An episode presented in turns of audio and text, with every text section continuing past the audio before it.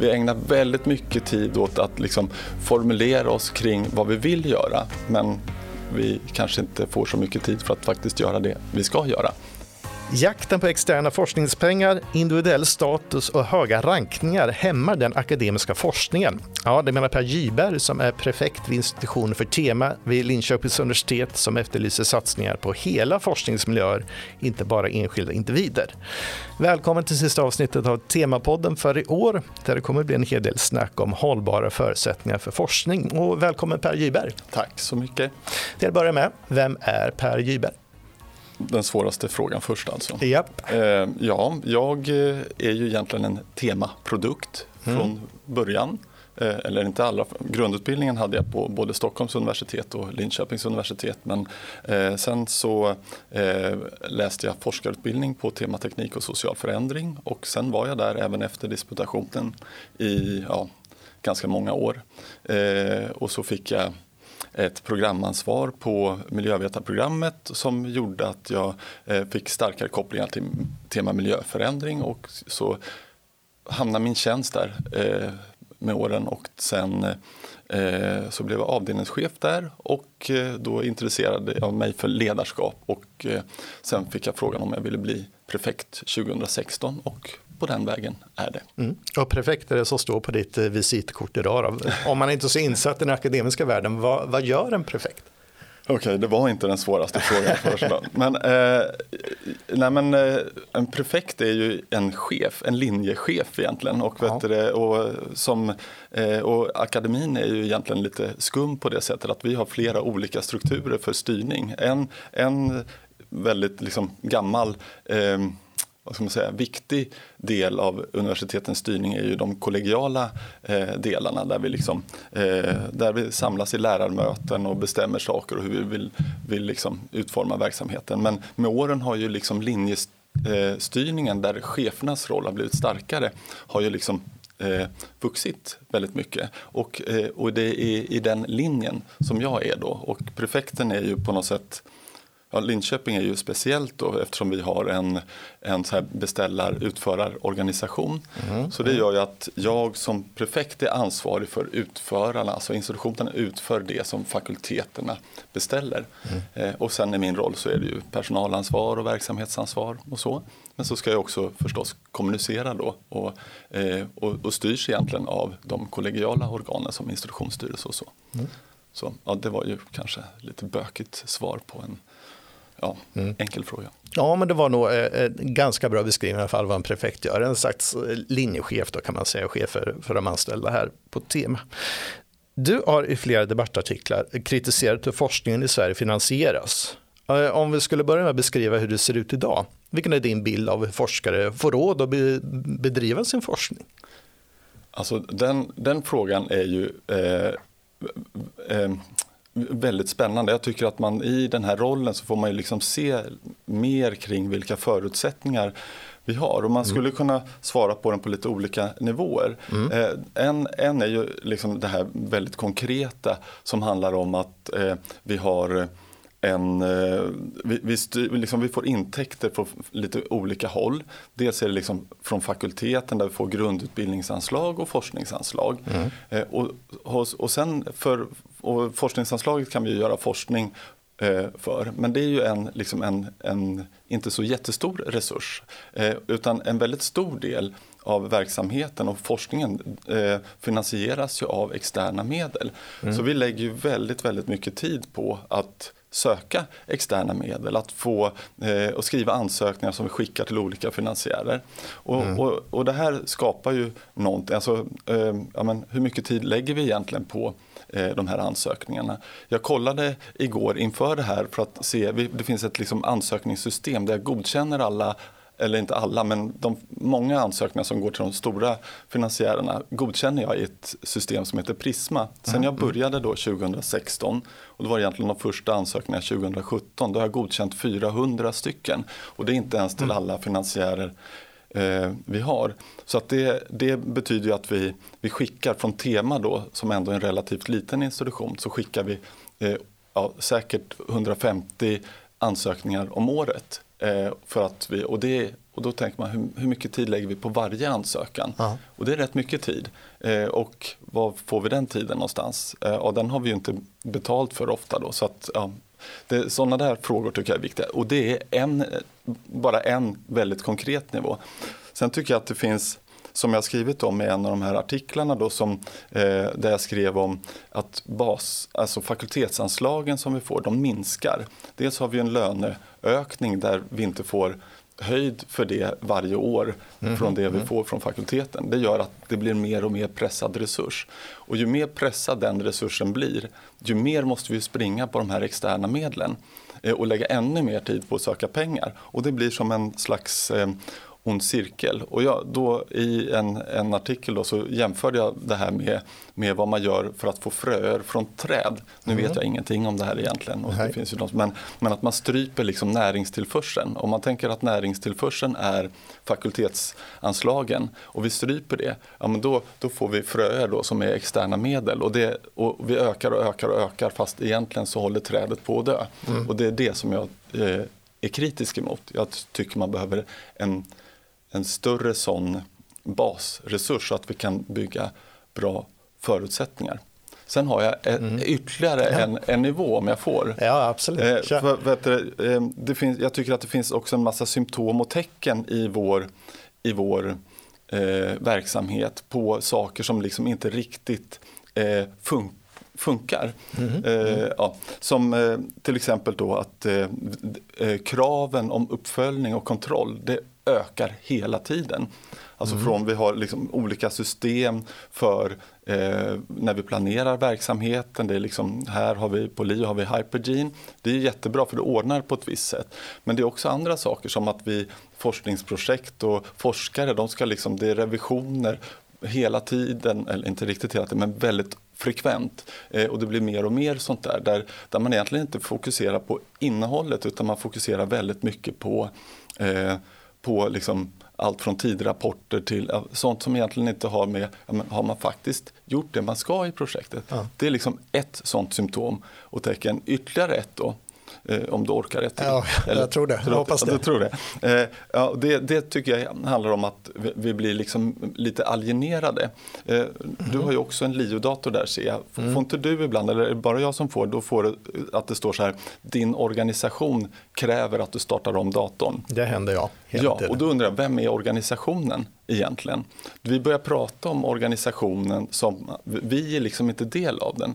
Jag menar, mm. jag är ju ändå prefekt, det är ju ändå en, en hyfsat hög chef i vår organisation. Wow. Och jag kräver inte det här. Eh, nu kanske jag gör det indirekt genom olika liksom andra, men det visar att det är liksom vår, eh, det vi gör och det vi är beroende av för att kunna göra det vi gör, det flyttas, makten över det flyttas på något sätt ifrån oss. Det tycker jag är en, en, liksom en viktig fråga också. Det, det där kan man liksom prata om i många olika delar. Eh, en annan sån där sak det är arbetsmiljön. Om, om, man tar det här som jag sa förut med att vi springer mer och mer på olika bollar, som, då är, arbetsmiljön påverkas ju av det. Hur tänker du då? då? Jo, alltså eh, om, om vi har en, en eh, Alltså om vi är väldigt stressade i det vi gör och sen eh, så ska vi då som arbetsgivare lösa det här. Vad gör vi då eh, när vi har ett systemproblem? Det vi gör är att vi skickar personer till eh, Feelgood och så får man, eller vi tar hit personer som ska prata om stress och hur man eh, hanterar stress. Man ska skriva mm. listor, man ska göra yoga, vilket ju är jättehärligt i och mm. för sig. Då. gjorde vi här om dagen på något frukostmöte. Då. Men, mm. eh, och, och, och, så ska vi lära oss att säga nej. Men inget av det här löser själva grundproblemet. Det vill säga hur blir vi finansierade? Hur, hur får vi liksom eh, en bra förutsättningar för att göra det vi ska göra? Mm. Så om man ska försöka summera hur situationen ser ut för en forskare då eh, här på LIU eller någon annanstans kanske i, i Sverige idag så är det en ständig jakt på pengar. Och, en, eh, och då är det då externa medel som man letar efter. Och man lägger väldigt mycket tid på administration. Kan man säga så? Och mm. hinner man forska någonting också? Då? Eller blir man bara proffs på att söka eh, medel hela tiden? Det är ju Nej, sånt det, jag tänker på. Det, ja men precis, det, det är ju det som blir problemet då eftersom vi måste göra det här andra. Ja, man får ju en känsla av att vi, eh, vi ägnar så mycket tid åt att kontrollera det vi gör så att vi liksom tappar bort att göra det vi ska göra. Vi, vi ägnar väldigt mycket tid åt att liksom formulera oss kring vad vi vill göra men vi kanske inte får så mycket tid för att faktiskt göra det vi ska göra. Mm. Ja. Så hur tar man sig ur den här situationen? Ja, alltså jag tror att det finns en, eh, alltså att det är eh, som det finns bakomliggande saker här som är rätt svåra att påverka. Eh, alltså som krafter som styr akademin. Att det finns mm. liksom en väldigt instrumentell eh, styrning av akademin. Alltså det här att det är, det är regelstyrt, det är eh, målstyrning på, på ett vis som gör att vi, vi liksom glömmer processerna. Eh, och då, då det här väldigt instrumentella, det skapar ju någon slags eh, teknisk och byråkratisk rationalitet där liksom eh, verksamhetsperspektivet och verksamhetsbehoven lätt försvinner i den, i den diskussionen eller i, i, det, i det sättet att styra. Den mm. andra eh, om, om, om, vi då har en sån här väldigt instrumentell styrning där vi, där vi mäter eh, liksom våra publikationer, hur mycket pengar man får in, det blir liksom speciella mått på det, ja, men då, eh, då är det också det som blir vår incitament, eh, våra incitament. Det är det vi försöker uppnå. Mm. Och i ett väldigt starkt individualistiskt system, ja, men då, då tror jag att man skapar den här stressen. För vi vill leva upp till det här. Det är, liksom, det är jakten på status, och pengar och publikationer. Och så här. Det gör att vi, vi lätt liksom går in i det här eh, råtthjulet. Liksom, och, och eh, så vill vi uppfylla det. Eh, och det, det tror inte jag är bra. Jag tror inte att det är det som gynnar kunskapen, eh, kunskapandet. Mm. Men, men eh, din vision då? Eh, hur vill du liksom på något vis trygga forskningen och göra den hållbar i Sverige med tanke på den problematiken som du beskriver nu då? Om du får, fick möjligheten att bestämma? Alltså, eh, jag tycker att det finns eh, åtminstone eh, Ja, det är ju jättesvårt att ändra sådana här strukturella saker. Men en, mm. en sån sak som jag tycker är väldigt viktig och som vi eh, pratar om i olika sammanhang men som inte får tillräcklig eh, styrka tycker jag i liksom för hur vi bestämmer hur vår, vår, liksom, vår värld ska vara utformad. Och det handlar ju kanske om vetenskapliga ideal, att vi måste ha forum för att diskutera vilka är liksom idealen för forskningen och låta mm. dem vara mer styrande. Hur gör vi en samhällsrelevant eh, forskning? Eh, hur, hur, gör vi, fast kanske inte på det sätt som vi gör nu för att uppfylla liksom, eh, vissa nyckeltal utan för, att, för kunskapandets skull. Annars mm. riskerar att liksom, själva kunskapen i sig att urholkas. Eh, det andra som, som jag tycker det är ju att, vet du, eh, att vi måste börja se men vilka förutsättningar har vi faktiskt. Att vi pratar om det i mycket högre grad eh, för att bedriva forskning och, och undervisning för den delen. Det hänger ju ihop Eh, på ett viktigt sätt. Och den, och den tredje saken som jag tycker försvinner det är ju själva verksamhetsperspektivet. Alltså vad, eh, hur vi, eh, ja men, eh, vad är det som krävs egentligen för att göra det som vi ska göra. Mm. Men, men du, du, nämnde precis att vi borde prata om förutsättningar här. Förs det någon form av diskussion och dialog om hur det ser ut om man är forskare i Sverige idag? Alltså, ja, men det, det, gör det ju. Jag det tycker att det finns liksom, eh, det skrivs ju artiklar om det här med hur mycket tid vi lägger på ansökningar och det, sådär. Men, men det verkar ju väldigt svårt att få in det här i, i någon slags eh, eh, menar, att ändra på systemet. Nu finns ju något som heter strututredningen där man faktiskt ser över hur fakultetsanslag och så fördelas nationellt. Och det är ju en sån diskussion som är, som är jätteviktig. Sen är frågan, ja. har man modet att faktiskt ändra någonting eller ska man springa där alla andra springer? Det tycker jag är, är det liksom lite oroväckande. Ja. Får jag ta ett litet exempel? Ja, nu kör vi. Eh, för, eh, vet du, eh, om man bara tar på en helt annan liksom, verksamhet och hur, hur man gör i det, bara för att liksom, visa hur jag tänker att det är lite fel. Och då mejeriindustrin mm. För, som har, när den industrialiserades, alltså från eh, att det var liksom lokala små mejerier med, med mejerskor som hade liksom koll på sin produkt mm. eh, och liksom hade en känsla för och också kände ett ansvar för att det blev en bra produkt man, man skapade mm. till att industrialiseras när det teknifieras och det ska effektiviseras så skapar vi liksom eh, specialister på olika moment i produktionen av om det nu är en hushållsost till exempel. Ja. Eh, och då, eh, då kollar vi liksom temperatur vid ett visst skede, vi har, vi har liksom enzymer vi har så här, som, som vi kan mäta exakt och då får vi en mm. jättebra koll och så får vi eh, en viss typ av produkt i. Det är ju det här systemet som, som kanske är bra när man skapar eh, varor eller bilar eller ja, vad det nu är för någonting. Ja. Eller hushållsost. Ja. Eh, det är ju det vi tillämpar på, på kunskapsproduktion. Mm. Och då är frågan, är det, är det sådana villkor som vi, vi ska styras av? Är det, det, är det ett bra sätt att liksom styra kunskapsintensiv verksamhet som vi är? Eller kunskap, alltså, egentligen en väldigt kreativ verksamhet som vi ska ägna oss åt? Där, mm. Alltså ny kunskap. Hur skapar vi det? Du skulle väl ha mer mjölkerskor i den akademiska världen om man skulle Fli ta, prata exakt. liknelser? Precis.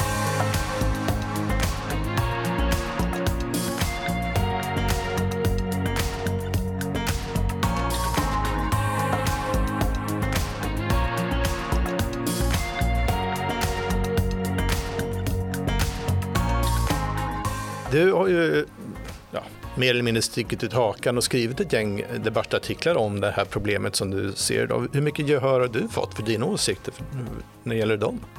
Alltså, det har ju varit lite olika får man ju säga. Ja. Det, det, har ju inte blivit som en debatt av de eh, artiklarna, vilket mm. är lite synd kan jag tycka, för det är ju därför man då sticker ut hakan lite grann. Men däremot har jag ju fått väldigt många mejl och telefonsamtal kring att där, där man liksom känner igen sig i det jag beskriver. Mm. Så det är ju väldigt roligt att, att se det. Sen så hade man ju önskat att, att det faktiskt var politiker som lyssnade på hur, hur det ser ut och, hur, alltså, och vad vill vi egentligen ha för en typ av forskning. Nu verkar det ju handla mycket mer om hur, hur politiken kan styra forskningen så att vi löser samhällsproblem och det är ju jätteviktigt. Men det är också något speciellt som händer när man går in och vill styra liksom innehållet och formen. Men borde inte politiker vara intresserade av att få en hållbar och, och framåtskridande forskning som faktiskt funkar som det är tänkt? Ja, det kan man ju tycka. Men frågan är vad, vad är det för någonting? Ja. Att det finns också kanske eh, eh, alltså, så, det är ju ett, ett systemproblem tycker jag och det, sånt är ju väldigt svårt att liksom, eh, ändra på. Jag tycker att det går för mycket pengar via forskningsfinansiärerna och det borde gå mycket mer till lärosätena direkt så att vi kan skapa bättre förutsättningar för eh, för forskningen. Men mm. eh, forskningsfinansiärerna de tycker att de är jättebra på att, att sila och sortera vem som, vem som får vilka pengar och sånt där. Men det man gör med det, det är att man ofta skapar ganska kortsiktiga projekt som inte, men forskning är ofta mer, eh, alltså mer långsiktig än 30% på tre år. Det är mm. kanske något som man behöver göra under väldigt lång tid. Så det är liksom inte anpassat. Eh, och sen så säger ju eh, forskningsfinansiärerna också, vilket ju är befogat, det är ju att vi, de resurser vi faktiskt får, de gör vi småslattar av utan att vi egentligen följer upp vad vi gör med dem. Alltså att vi fördelar det på sätt som inte ger någon direkt så här, eh, forskning eh, av. Och det, eh, det, måste ju vi som representanter för lärosätena eh, tänka kring och faktiskt vara bättre på att göra saker med det, de resurser vi faktiskt får. Och som utomstående så kan man tycka att det låter som ganska bortkastade pengar i så fall om man bara liksom kastar ut och att det bara liksom silas ut och blir ingenting av det som ja, var en god tanke från början kanske. Ja, men risken är ju att det är så, och nu är det ju inte bara så, utan det blir ju liksom som själva eh, utan eh, det är ju liksom eh, mycket som fungerar bra. Men mm. vet du, eh, risken är ju att vi inte använder pengarna på det bästa sättet. Eh, och det där skulle man ju kunna eh, göra mycket, tror jag. Mm. Hur realistiskt skulle du säga att det här kan komma att ändras? Alltså, det finns ju faktiskt en större fråga här och det är ju kunskapens legitimitet. Alltså, och det märker vi ju i, i, i samhället i stort. Alltså mm. bara ett visst land eh, västerut där, där man liksom använder eh, vetenskapen precis som man vill eller mm. inte alls då mm. snarare. Och att eh, Därför behöver vår, om, om vår trovärdighet försvinner genom att vi fokuserar på nyckeltal och egentligen inte skapar ny kunskap och att vi skapar, vi fostrar opportunister om man ska vara elak som uppfyller de här nyckeltalen, mm. ja, men då är ju vår trovärdighet eh, riskerar ju också att undergrävas då. Eh, och det är ju en farlig väg. Så att jag tror ju att, eh, eller jag hoppas i alla fall att vi, be vi behöver stärka vår profession som forskare. Att, att ge tillbaks ansvaret. Jag kan tycka det är lite konstigt att vi måste eh, visa oss på styva linan hela tiden. Vi har ju faktiskt, alltså som forskare har man ju disputerat, man har ju, man har ju visat att man kan eh, forska. Det är ju mm. det man gör när man disputerar. Så att, mm. vet du, och, och, det är ju konstigt och ändå behöver vi skicka in ansökningar som ska godkännas utifrån någon slags kvalitet hela tiden. Eh, så jag menar, nu vet jag inte om det går att till om man tillämpar samma modell på andra yrken så skulle det se väldigt konstigt ut om man som lärare måste ansöka om att få, få undervisa elever. Eh, varje, på något sätt så, mm. så undergrävs själva professionen då och det, det tycker jag är lite problematiskt. Eh, sen måste man ju liksom ha en kvalitetsgranskning på något sätt men det kan man ju ha andra system för. Mm. Så när tror du att det händer någonting? Ja, Om du får sia framåt, titta i spåkulan lite. Nej, men eh, man behöver ju tänka på, på alla nivåer. Jag, jag, det, jag vet inte, det gäller att någon vågar ta beslut. Jag önskar ju att det hände hyfsat snart då, men, men eh, vi behöver verkligen jobba med alla delar och det tar tid tyvärr. Om vi kommer att se någon förändring i hur forskningen finansieras för framtiden utvisar. Tack så mycket Per Gyberg som är prefekt vid institutionen för tema vid Linköpings universitet för att du var med i Temapodden. Stort tack! Och med det så vill jag också tacka dig som har lyssnat på Temapoddet under detta spännande år, år 2020 och önskar en god jul och gott nytt år. Vi är tillbaka igen år 2021 med fler spännande avsnitt om vad som händer här på institutionen för tema vid Linköpings universitet. Jag heter Per Wirsbo Nebel.